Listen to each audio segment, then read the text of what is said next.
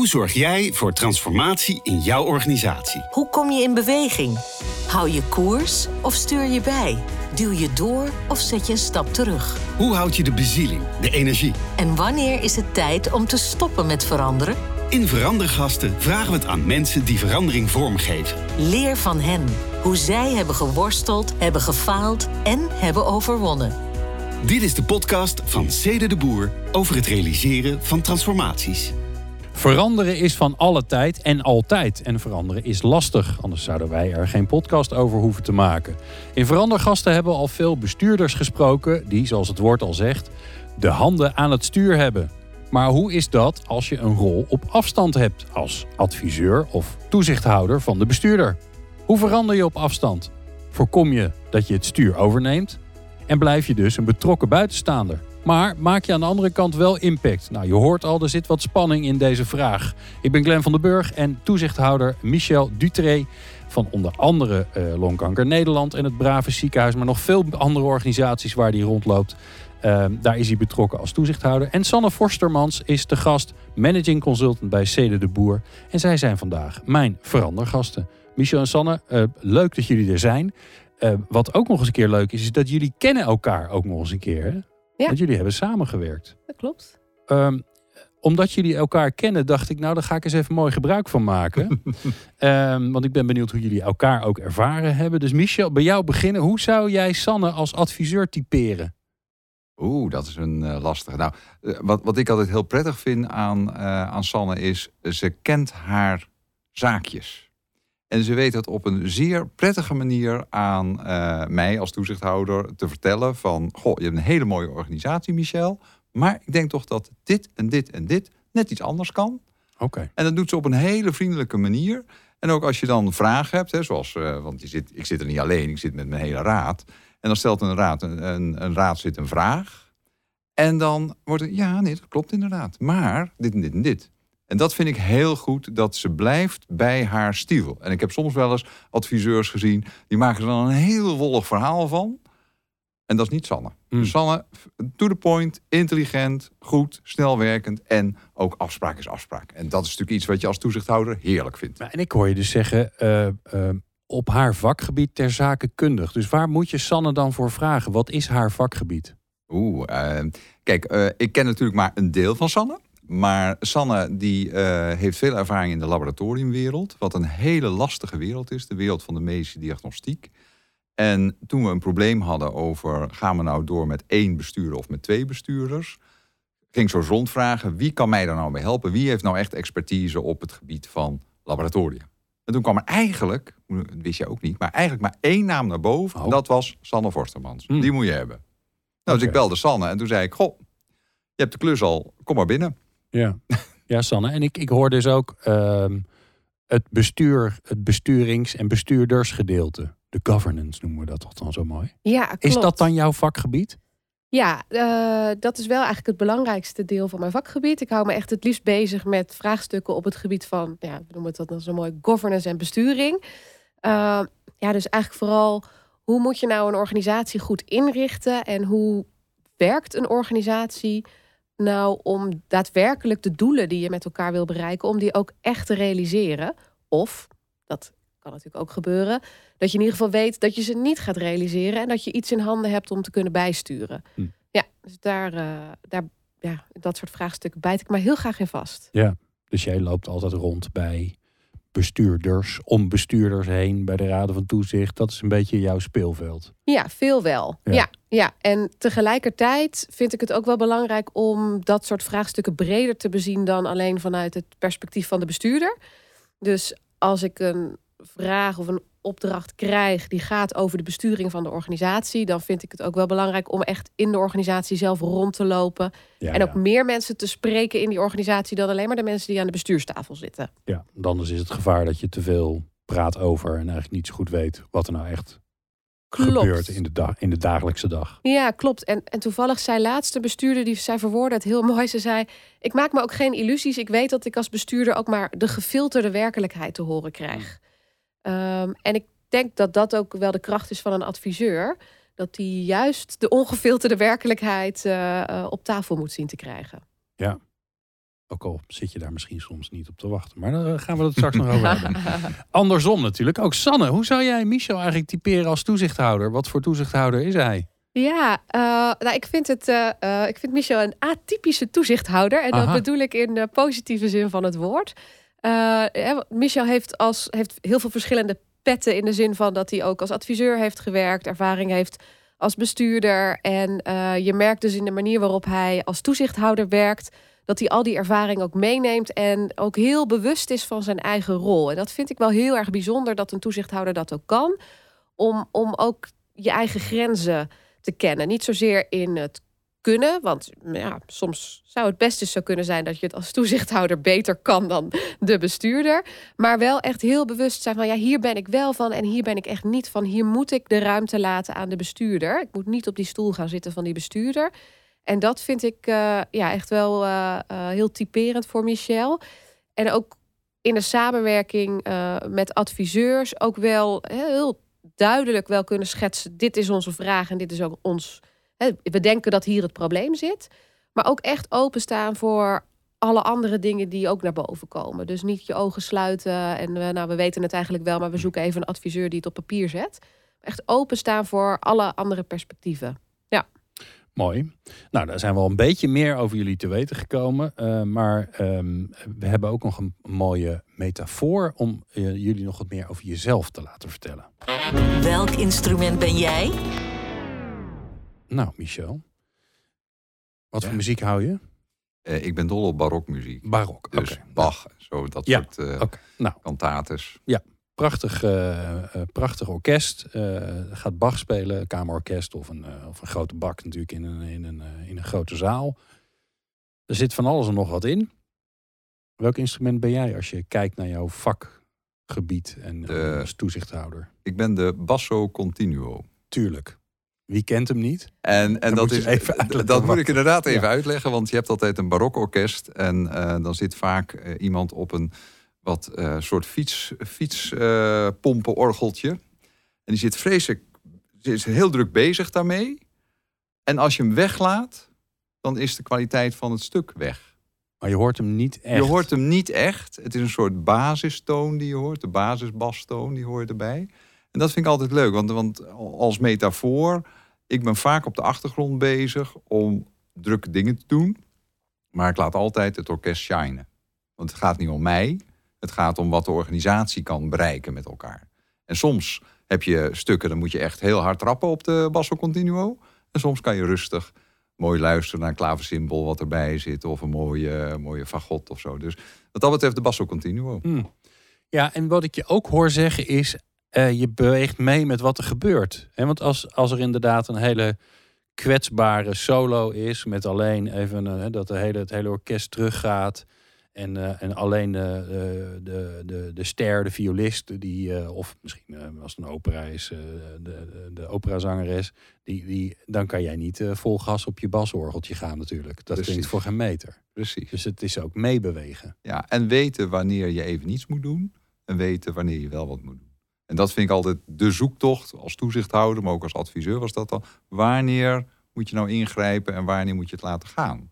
Ja. En dat vond ik prachtig. Een van maar mijn... nooit heel hard, zodat het. Want, Nee. want als jij boven alles uitkomt, dan denkt iedereen: hè, wat gebeurt er nou zeg? Ja, nee, dan werkt het niet. Nee. En een van mijn mentoren bij Berenschot, die zei altijd toen ik uh, nog jong en enthousiast uh, in opleiding was tot adviseur, die zei altijd: Michel, je moet altijd afvragen twee dingen. Het wordt altijd weer vrijdag. En dit is genoeg voor deze klant. En dat vond ik heel belangrijk. Dit is genoeg voor deze klant. Het is een prachtig filosofische tekst, want daar zit ook in van sommige klanten moet je meer geven, andere klanten moet je juist minder geven om je resultaat te bereiken. Mooi. Nou, Sanne heeft langer kunnen nadenken, zoals altijd fijn. Sanne, welk instrument? Nou, eerst maar eens even de muziek.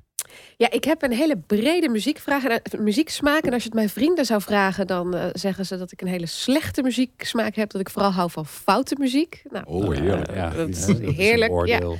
ja, precies. Uh, ja. Dus ik vind het vooral lekker om uh, vooral in de auto hard mee te kunnen zingen met uh, Nederlandstalige okay. klassiekers of zo. Ja. Oké. Okay. Ja. ja.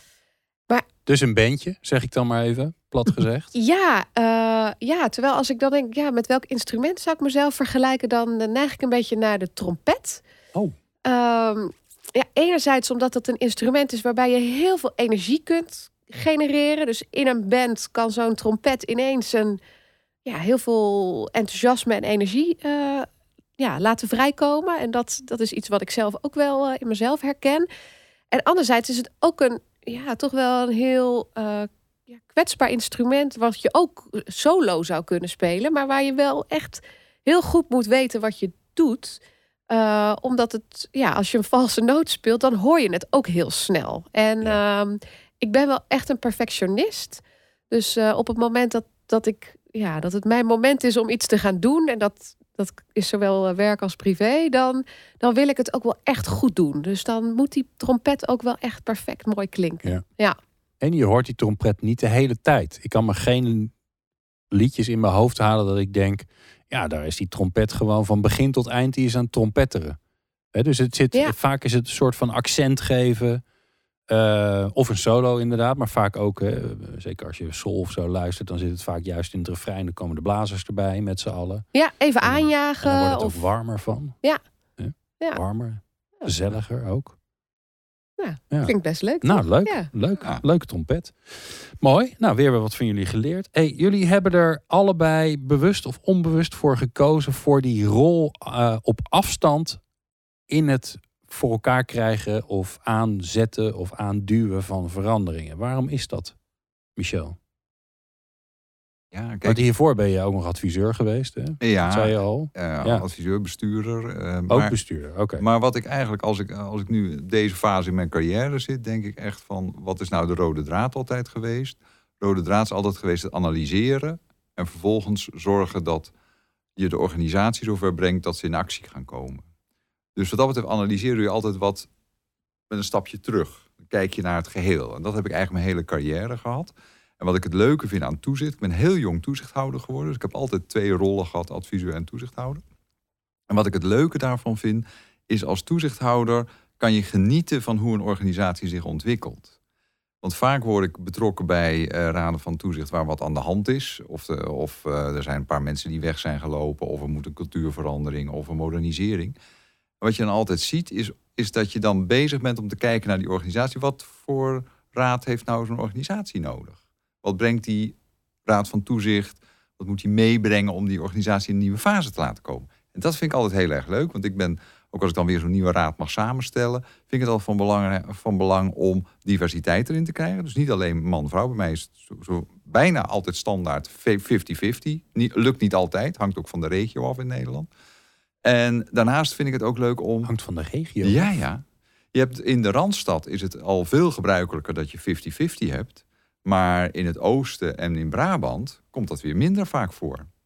En, en leg mij eens, wat Ja. is jouw analyse? Hoe komt nou, dat? ik, ik, ik heb daar een, eh, een tijdens de commissarissenopleiding van Nijenrode moet je ook een paper schrijven. En ik heb dat paper geschreven over de diversiteit. Heb ik eh, vijf eh, headhunters eh, die in de zorg actief zijn geïnterviewd. En die eh, kwamen eigenlijk allemaal los van elkaar. Ook op het punt uit dat het heel divers is in Nederland. Dat je in Oost-Nederland zijn ze net gewend aan de vrouw in het toezicht. En in eh, Brabant, eh, ja, vrouw in toezicht prima. Maar ja, 50-50, dat hoeft niet. En niet-westers, nou ja, het hoeft ook niet. Terwijl in de Randstad zie je nu echt een beweging van Hmm. niet-westers. Bijvoorbeeld, ik ben eh voorzitter geweest van de Raad van Toezicht van Bevolkingsonderzoek, Middenwest. Dat was Amsterdam. En daar heb ik alles op alles gezet om een niet-westers... een, een vrouw met een niet-westers achtergrond in mijn Raad van Toezicht van vijf man te zetten. En de dynamiek die je dan ziet, is zo ontzettend leuk.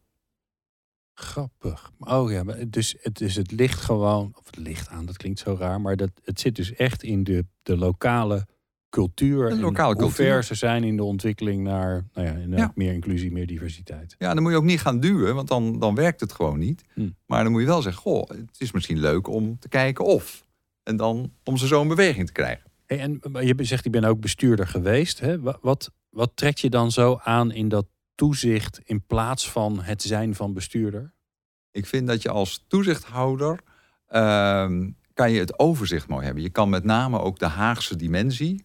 Ik, zit dan vaak op de, de bestuurlijke rollen, de lobbyrollen, omdat dat vind ik ook leuk. beetje het Haagse binnenbrengen in een organisatie. Je ziet veel breder het bredere perspectief.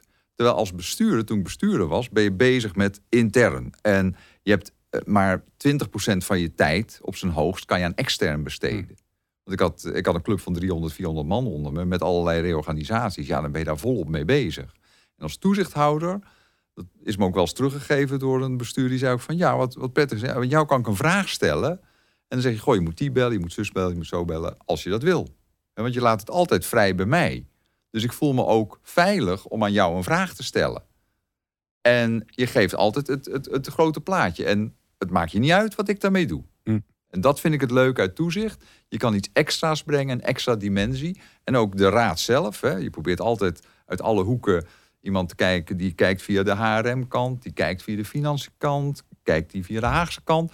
En dan ben je als team, dan ben je ook echt, eh, echt krachtig. En ik weet niet of jij dat ook herkent, van, maar dat is iets, dat vind ik altijd de lol van toezicht. Ja, dus ik hoor je zeggen, uh, wat meer afstand van de, van de dagelijkse gang van zaken, meer afstand van de bedrijfsvoering zelf en meer richt bezig met de richting. Ja, en de toekomst. Ja, ja. Sanne, eh, eigenlijk, dus, ja, je, je, je bent adviseur. Ja.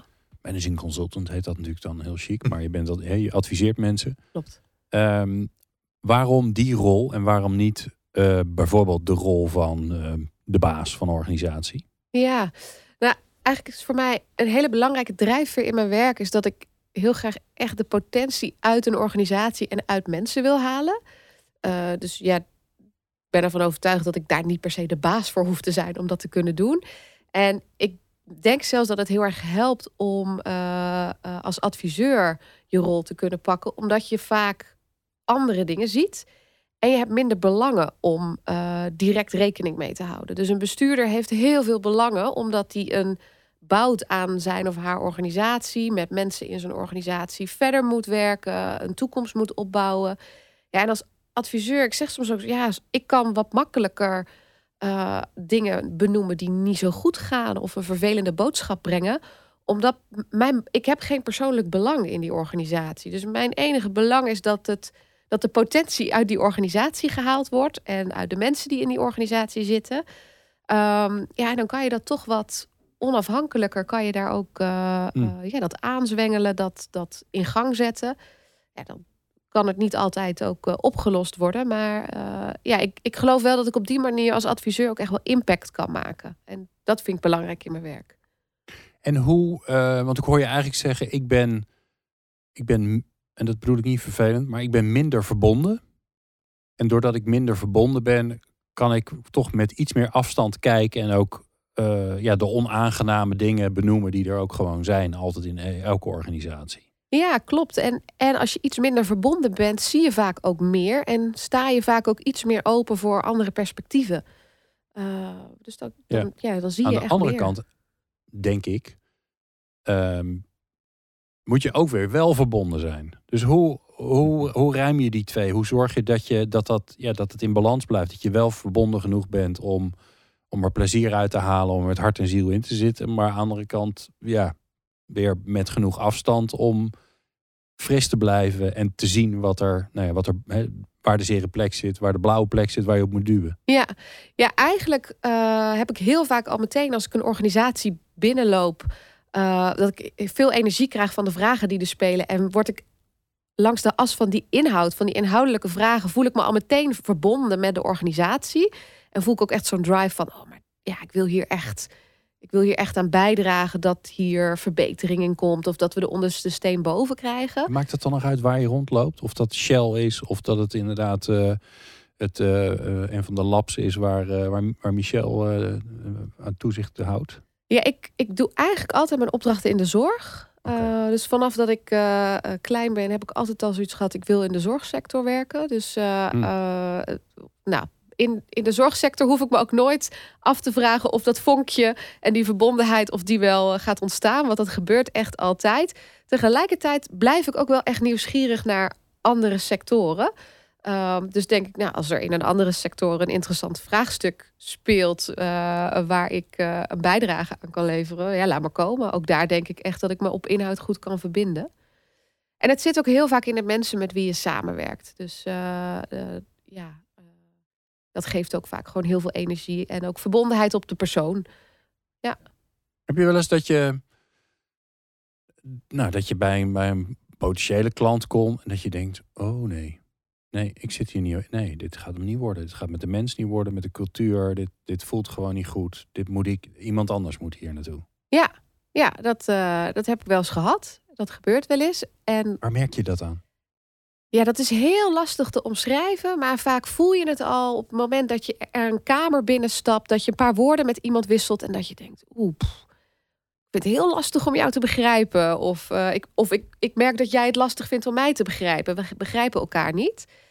Uh, en uh, het fijne van het werken bij een adviesbureau is dat je dan vaak wel meteen denkt: Oeh, ik denk dat collega X, Y, Z, dat die een hele goede klik zou hebben met deze persoon of met deze organisatie. Nou, dan kan je daar soms op bijsturen. Maar het gebeurt ook wel eens dat je, ja, dat je met elkaar denkt: Nou, dit is gewoon geen goede match. Wij, wij, Hm. moeten, hier, wij moeten hier niet aan gaan beginnen. Uh, en ja, dat is, dat is altijd best wel ingewikkeld dat je dan moet gaan zeggen: Ja, ik ga het niet doen. Zeker als een opdrachtgever zegt, nou ja, zou jij deze rol willen vervullen? Ja, dan moet je gaan zeggen, nee, ik ga dat niet doen. Ja, um, maar dat heb je wel eens gehad. Dat heb ik wel eens gehad, ja. Ja, en uh, uh, ook vooral omdat ik denk, ja, niemand heeft er iets aan als we het wel gaan doen. Hè? Ik kan ook heel korte termijn gedachten denken, nou, toch een nieuwe klant, leuk. Ja, handel. Handel. Ja. Uh, uren kwijt. Precies. Um, maar ja, de keerzijde is dat ik er niet gelukkig van ga worden. Dat de klant daar waarschijnlijk ook last van gaat hebben. Ja, dat onderaan de streep uh, het alleen maar verliezers kent. Ja. Dan denk ik, nee, dan moeten we echt gewoon. Uh, ja, dan moet iemand anders dat gaan doen. Ja. Maar dat typeert ook de echte adviseur. Hè? Want ik heb zelf ook opdrachten gewoon geweigerd. Dat ik dacht van ja, joh, daar heb je iemand anders voor nodig. En wat ik dan altijd doe is, goh, ik ga het niet doen. Of ons bureau gaat het niet doen. Maar die, die kan het goed. Ja. En dan is de klant ook weer blij. Want dan de volgende keer zegt hij: Goh, je hebt me zo eerlijk en oprecht geholpen. Mm. Nu wil ik je hebben, want nu heb ik iets dat past helemaal op jou. Ja. Hoe ga jij daarom, Michel, met uh, zeg maar de combinatie van verbondenheid, uh, uh, je, je één voelen met de, het doel of de purpose of nou, datgene ook wat, wat een organisatie doet, en ook de afstand die je moet bewaren? Ah, wat ik eigenlijk gedurende de tijd dat ik toezichthouder ben altijd heb geleerd, is je moet je opstellen als betrokken buitenstaander. Omdat je weet nooit precies wat er in zo'n organisatie uh, is. Ik vergelijk het vaak met een kijkdoos, hè, de ouderwetse kijkdoos. Vijf keer per jaar kom je daar, naast natuurlijk de commissies die je dan hebt, maar vijf keer per jaar kom je plenair als raad van toezicht bijeen, minimaal. En dan kijk je door een raampje van die kijkdoos. En wat dan altijd van belang is, is als je een goed team hebt, dan weet iedereen op zijn expertise kan dan zeggen, oh, maar daar moet ik eens even op doorprikken. En dan dat doorprikken houdt in van, goh, beste bestuurder, leg eens uit hoe. En als die bestuurder uh, dan ook, vind ik altijd heel belangrijk dat een bestuurder zich ook veilig voelt bij zijn raad van toezicht. Ik heb ook raden van toezicht meegemaakt waar de bestuurder zich absoluut niet veilig voelde. En als ze zich veilig voelen, dan kan je ook zeggen, goh, als je nou eens op een andere manier naar kijkt, wat zie je dan? En dan kan je ook als raad zeggen, goh, als suggestie zou je hier eens naar kunnen kijken. Je laat het steeds bij die bestuurder. Mm. En wat, ook als ik zelf evaluaties nu aan doe van raden van toezicht, dan zie ik soms dat sommige raden komen erg dicht op die bestuurder, waardoor die bestuurder eigenlijk verstikt. En in zo'n zelfevaluatie komt dat dan mooi, na, mooi naar boven toe. En dan vervolgens dan zeggen ze, oh ja, we kunnen wat meer afstand houden. Ik zeg, hoe gaan jullie dat dan doen? Hè? Nou, door steeds te toetsen en zo, dat soort dingen. Maar in ieder geval, ik vind het altijd heel belangrijk. geef, geef rol als betrokken buitenstaan. Er is natuurlijk een hele dunne lijn tussen uh, um, zeggen wat iemand moet doen, of impliceren wat iemand moet doen, of een vraag stellen naar hoe iemand iets moet doen, of geïnteresseerd zijn, of de helpende hand. Ik bedoel, het zijn natuurlijk. Het is een schakering van zwart naar, naar wit, waar van alles nog wat grijs tussen zit. Dus waar, Waar, waar, ligt die grens dan? Nou, kijk, eerst is het zo van de bestuurder moet niks. Want namelijk de toezichthouder heeft een paar rollen: werkgever, uh, toezichthouder en klankbord. En uh, de hoeveelheid uh, verantwoordelijkheid die je tegenwoordig hebt als toezichthouder is heel erg hoog. En daar moet je je van bewust zijn. Dus je moet ook op een gegeven moment moet je zorgen dat je die rollen niet gaat vervagen. Bijvoorbeeld als het wat stroefjes gaat met die bestuurder, moet je hem blijven adviseren, blijven klankborden.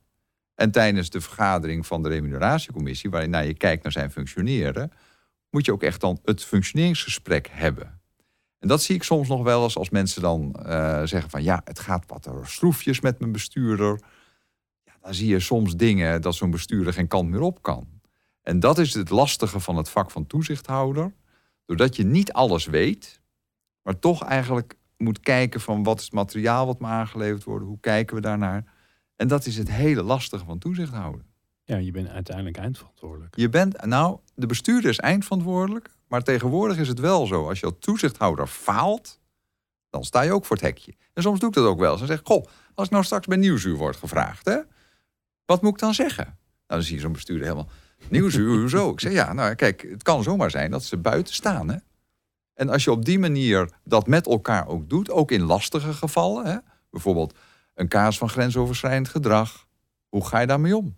Hoe doe je dat?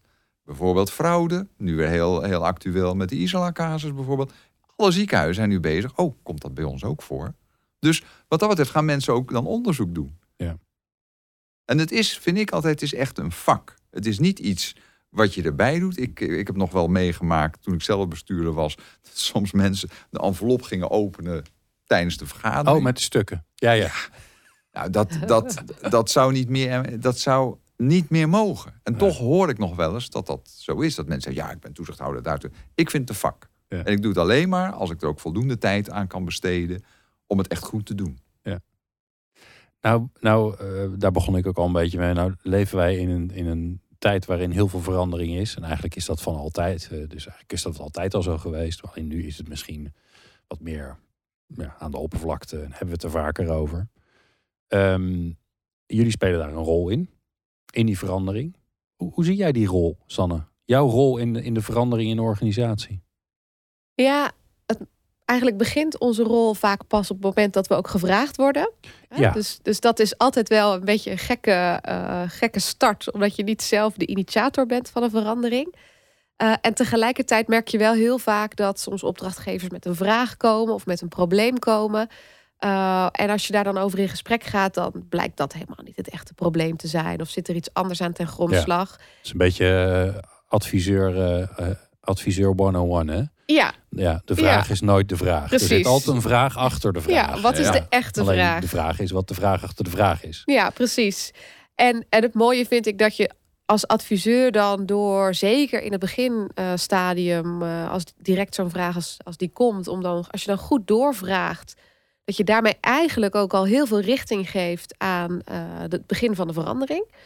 Ehm, dus dan lijkt het alsof je op afstand staat, of dat je niet de initiator bent van de verandering, maar ja, door alleen al door heel, heel veel vragen te stellen en te reflecteren, ben je eigenlijk toch wel een eh, belangrijke schakel in die, in die verandering. En Is niet het ingewikkelde van jouw vak dat daar misschien wel de grootste waarde zit?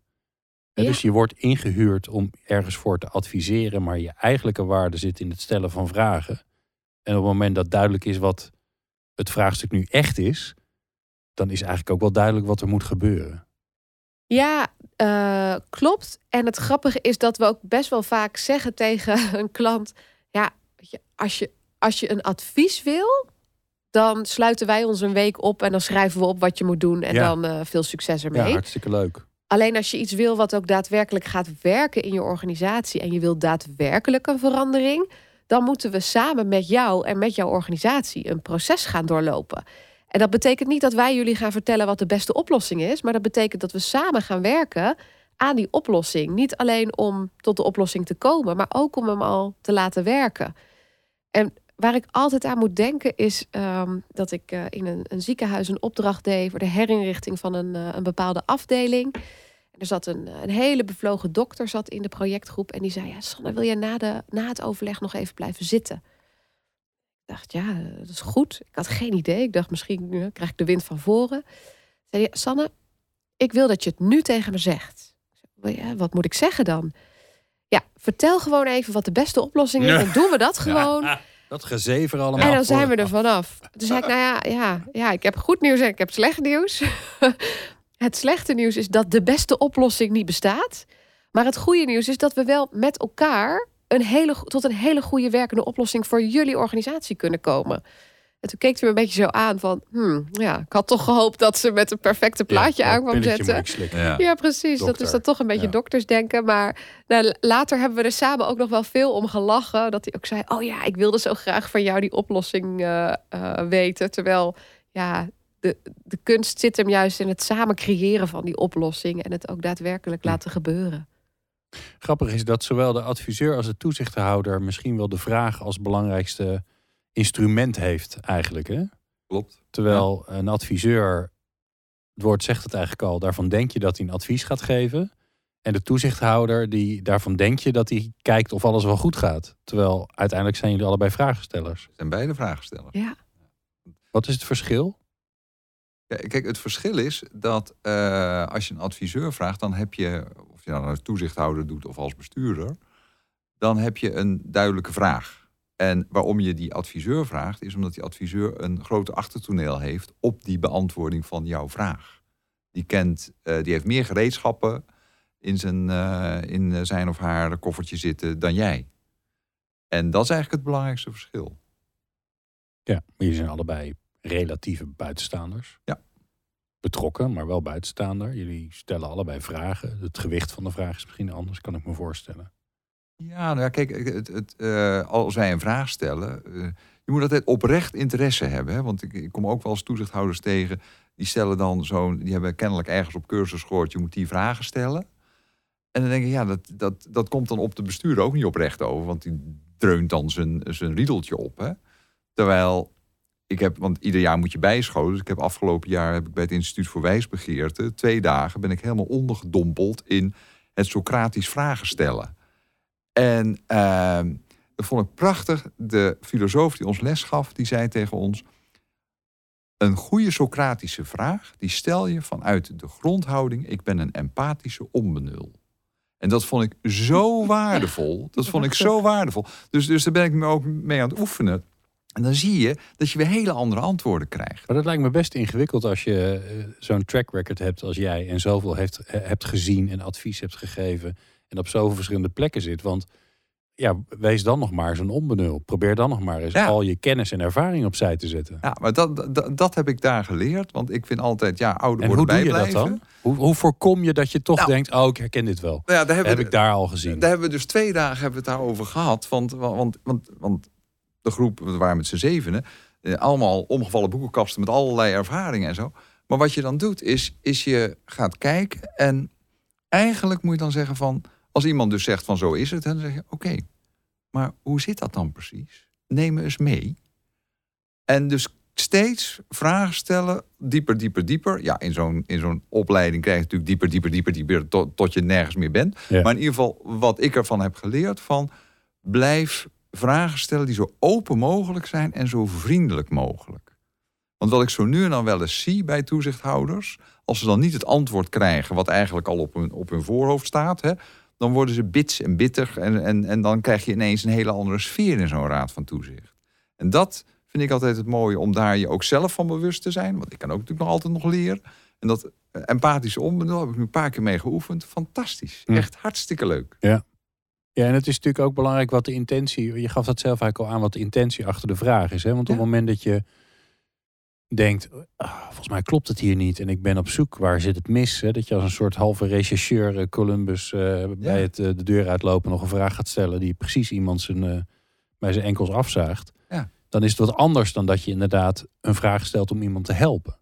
En ook een vraag uit, dat vind ik altijd heel belangrijk, dat geef ik ook altijd aan toezichthouders mee. Je moet oprechte interesse hebben. Als je geen oprechte interesse hebt, stop dan maar met vragen stellen. Hoe doe jij dat, Sanne? Wat is, wat is, want vragen is voor jou ook belangrijk. Ja. Vragen stellen. En ik vind dat altijd mooi dat vaak blijft het daar dan bij. Dan, ja, vragen, st- oh ja, ja, vragen stellen is belangrijk. Ja. Of een goed gesprek is belangrijk. Ja, Dat hoor ik ook zo vaak langskomen. Nee, een goed gesprek. Ja, wij vinden het belangrijk dat er een goed gesprek plaatsvindt. Ja. Oh, oké. Ja, en maar hoe je kan er moeilijk Dus op tegen dan? zijn. Ja. Hoe, hoe heb jij geleerd of ben je nog steeds aan het leren om, om op het juiste moment de juiste vraag te stellen? Ja, nou laat ik vooropstellen dat ik nog steeds aan het leren ben. Ehm, maar eh, heel vaak is het toch vanuit die oprechte interesse en het echt gewoon ook echt denken: wil gewoon echt weten hoe het zit. Ik wil het begrijpen. Ehm, en, En hoe eh, voorkom jij dan dat je, want ook jij ziet en heel veel, veel, je komt bij heel veel organisaties langs. Michel, die, die, die presenteerde jou aan het begin al van, nou, weet je, Sanne knows her stuff. Ze Ja. weet waar ze het over heeft.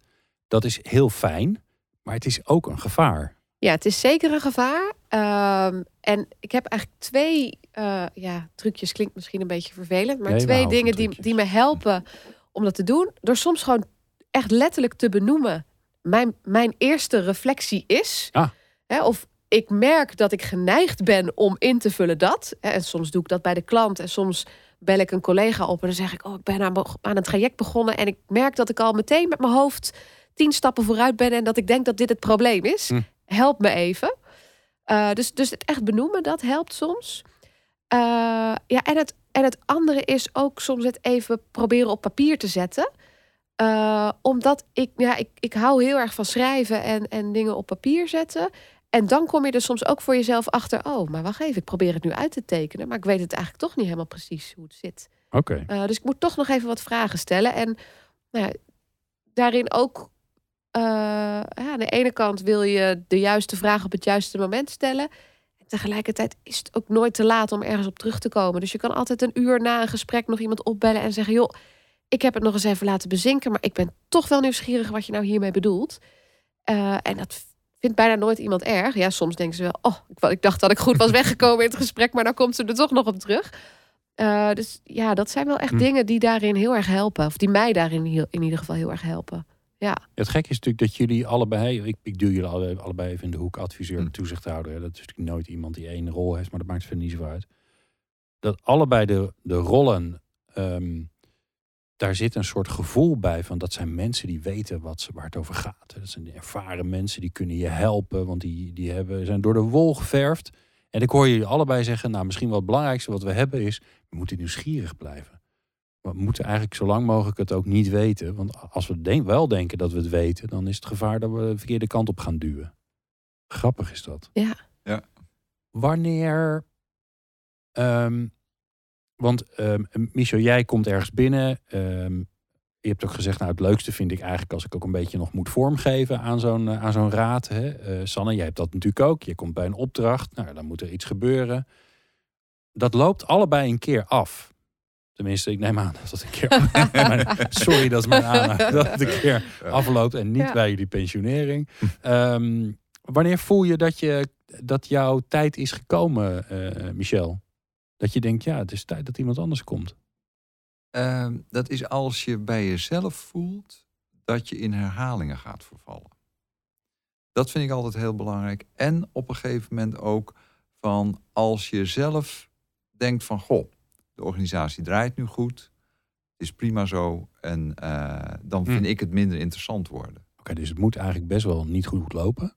Nou, dat, dat wil ik ook niet zeggen. Okay. Ik vind het leuk om bijvoorbeeld als je zo'n... Want uh, als toezichthouder heb je vaak periodes van vier jaar. En ik geef altijd mezelf, als ik uh, op het punt sta uh, om weer herbenoemd te worden... ga ik altijd kijken, oké, okay, wat hebben we nou bereikt in de afgelopen vier jaar? En wat kunnen we nog bereiken in de komende vier jaar? En als ik dat antwoord bevestigend beantwoord, als ik zeg van nou, ik wil nog wel wat leuks doen om te zorgen dat ik die volgende vier jaar, wil ik eigenlijk nog dat aan toezicht doen. Hm. En dan zeg ik ja. Maar er kunnen ook situaties zijn dat ik zeg van ja, ik heb onvoldoende meerwaarde meer voor deze organisatie. Dus dan, dan hou ik bij één. Uh, ja, en dat, is natuurlijk heel, uh, dat klinkt heel mooi. Hè? Dus je eigen meerwaarde is belangrijk. Ja. Maar ik hoor je ook zeggen, ja, als het gewoon allemaal lekker loopt en het is allemaal gefixt en ik heb niet echt het idee dat, er nog iets, dat we nog iets extra's moeten bereiken, dan is de lol er ook een beetje vanaf. Ja, ik vind dat puzzelen leuk. Dus, dus op een gegeven moment, als het goed loopt, dan heb ik ook zoiets. En ik heb, ik heb, een, ik heb een goede raad samengesteld en die raad die is, ook, die is ook ingeklonken, zoals ik het altijd maar noem. Hè. Die is echt een team. Ja, dan kan ik daar zo van genieten. Maar dan heb ik zelf zoiets van, oké, nou dan zit mijn klus dus langzamerhand op. Hè. En... Uh, en dan vind ik het ook weer leuk om weer verder te gaan puzzelen. Ja, en men, men zeg maar in de markt, om dat maar even zo plat te zeggen, men in de markt weet ook dat het bij jou zo werkt. Dus daarvoor word je ook gebeld. Ik word, ik word gebeld als er bijvoorbeeld ingewikkelde dingen zijn. En uh, bijvoorbeeld als het niet lekker loopt. En ehm, ik ben niet echt bang aangelegen. dus, dus wat dat betreft, dat ik ook soms wel gevraagd word als interim eh, voorzitter van de Raad van Commissarissen. Als een Raad van Commissarissen echt in zwaar weer verkeert, dan ben ik al één keer gebeld om dus echt zo'n raad helemaal Hm. eh, in korte tijd weer op vlieghoogte te brengen. En dat vind ik ook ontzettend leuk om te doen. Sanne, wanneer is eh, jouw tijd gekomen om eh, het project of de opdracht over te geven aan een collega? Of dat je gewoon klaar bent? Wat, hoe voel je dat?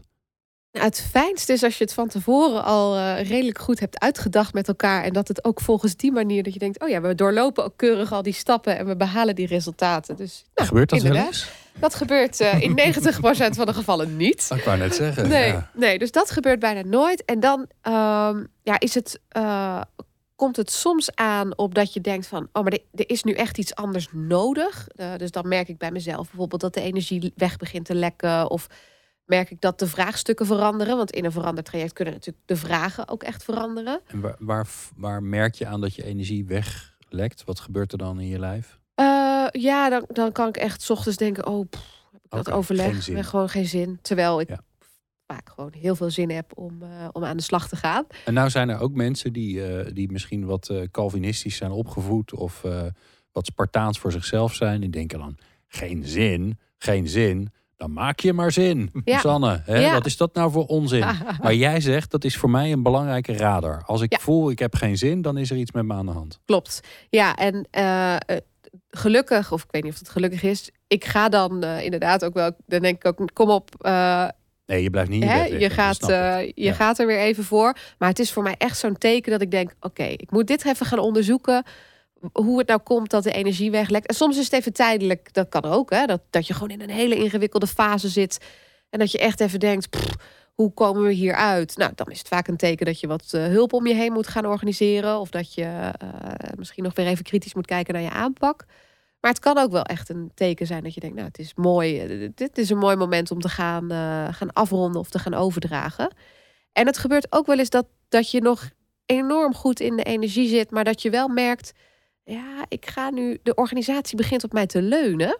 Aha, Eh, en eh, je voor wordt de. onmisbaar. Je bent onmisbaar aan het worden als buitenstaander. Ja, Ja. en dat is ook altijd zo'n moment dat je even achter je oren moet krabben. Het is natuurlijk zeer vlijend als je onmisbaar dreigt te gaan worden. Maar dat is als adviseur eigenlijk eh, eh, nou, op de lange termijn helemaal niet, eh, niet een, een fijne positie. Nee. Dus dan, en dat vind ik ook altijd wel mooi om dat in gesprek te brengen met een opdrachtgever. Van ik merk dat jullie heel erg op mij leunen.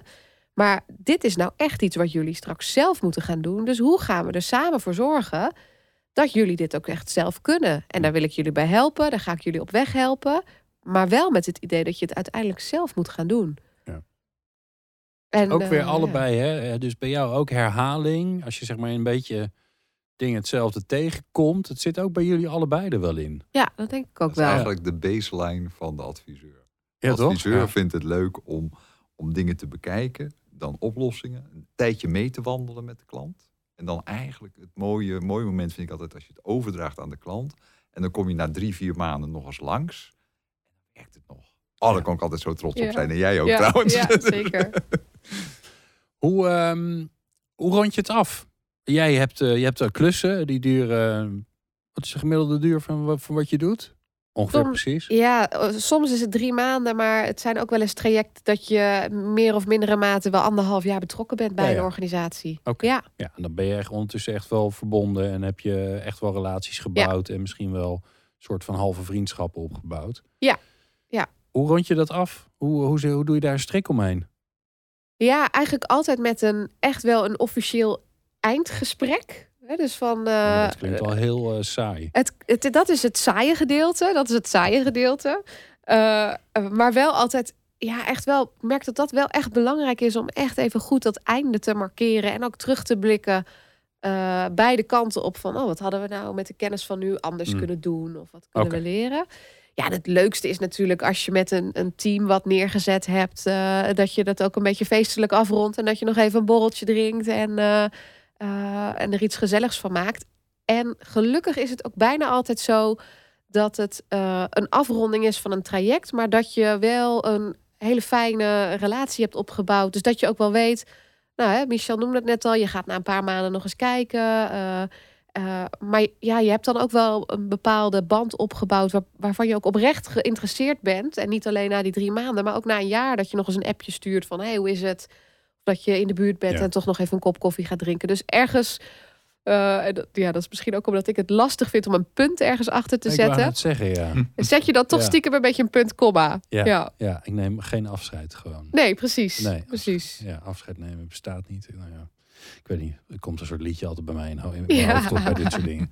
Hoe, hoe doe jij dat, Michel? Ehm, als ik eh, de termijnen erop heb zitten, dan eh, neem ik afscheid en dan doe ik bewust, trek ik me terug.